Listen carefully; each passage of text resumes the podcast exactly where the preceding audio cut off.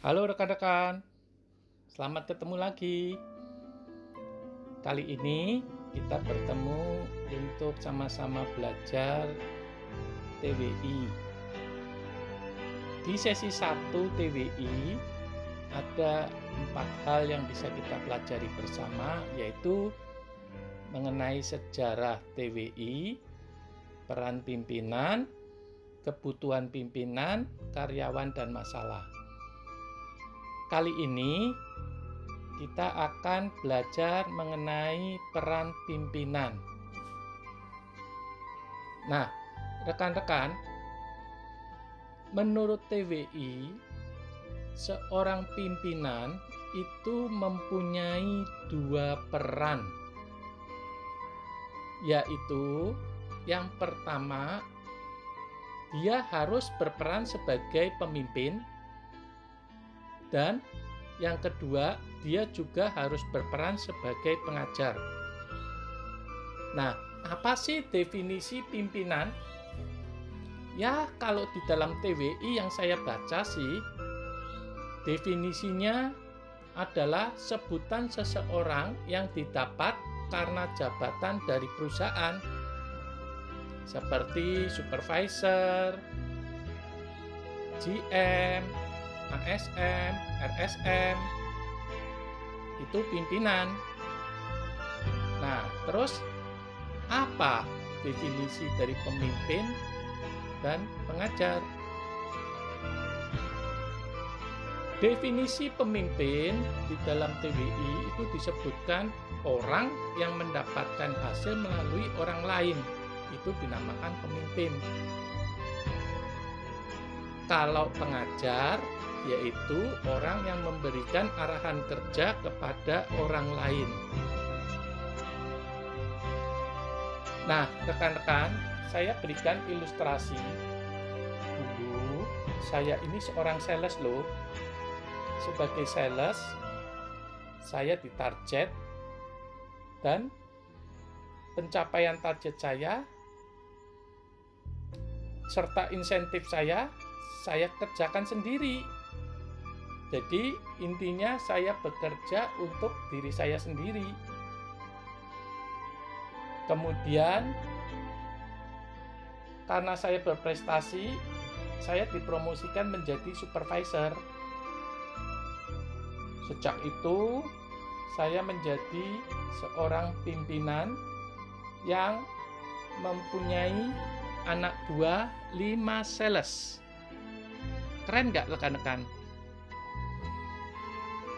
Sebagai supervisor, prestasi dan pencapaian target saya tidak lagi perorangan untuk diri saya sendiri, tetapi pencapaian target saya dari total target 5 sales dalam tim saya. Wah, gawat nih. Berarti target saya lebih tinggi daripada saya sebagai sales.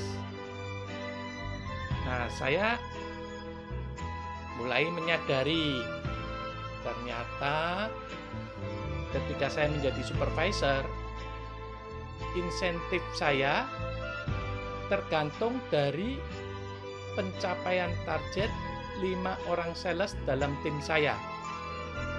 Maka saya mulai menyadari saya harus melakukan peran saya sebagai seorang pemimpin yang akan mengarahkan mereka untuk mencapai target.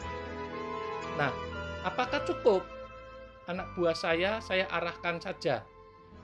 Tentunya tidak cukup. Mereka juga perlu tahu caranya bagaimana mencapai target. Untuk itu, saya harus mengajari lima sales saya agar bisa mencapai target semuanya. Bisa rekan-rekan bayangkan, kalau hanya tiga yang mencapai target, dua yang gagal mencapai target, maka saya pun gagal mendapatkan insentif.